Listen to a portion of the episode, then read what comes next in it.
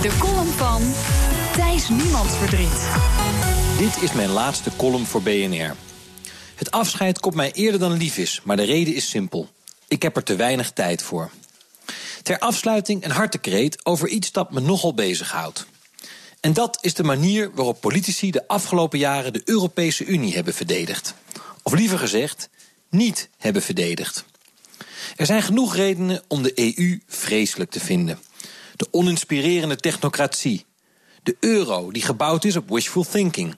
De uitbreiding met corrupte landen als Roemenië en Bulgarije. Toch moeten we altijd weer terug naar die ene vraag. Waarom is de EU ooit opgericht? Dat was niet vanwege de landbouwsubsidies. En ook niet vanwege de Erasmusbeurs. Nee, de eerste en alles overheersende reden was nooit meer oorlog. Twee keer in 25 jaar hadden Duitsland en Frankrijk het continent in een verschrikkelijke oorlog gestort, met tientallen miljoenen doden. Alleen door die twee landen van elkaar afhankelijk te maken, zo was het idee, kunnen we voorkomen dat dit nog een keer gebeurt. Dus werden in 1952 de oorlogsindustrieën van Frankrijk en Duitsland aan elkaar gekoppeld. Dat was de Europese gemeenschap voor kolen en staal. Alles wat daarna is gekomen, van de gemeenschappelijke munt tot gratis roaming, is bijzaak. We hebben al meer dan 70 jaar vrede. Daar draait het om. De afgelopen jaren werd de Europese Unie serieus bedreigd in zijn bestaan.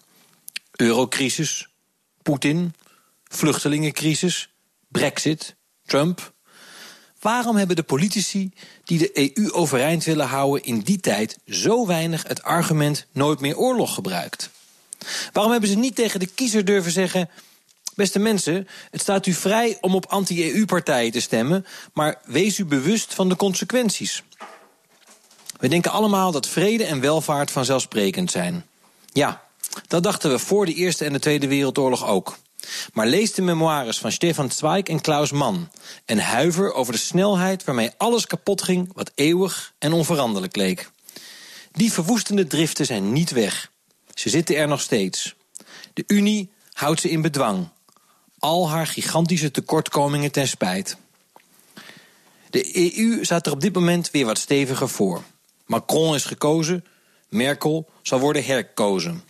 Maar sneller dan we denken kan het weer spannend worden. Mijn advies aan alle pro-Europese politici: wees in dat geval niet zo bescheten als in de afgelopen jaren. Zeg gewoon waar het op staat.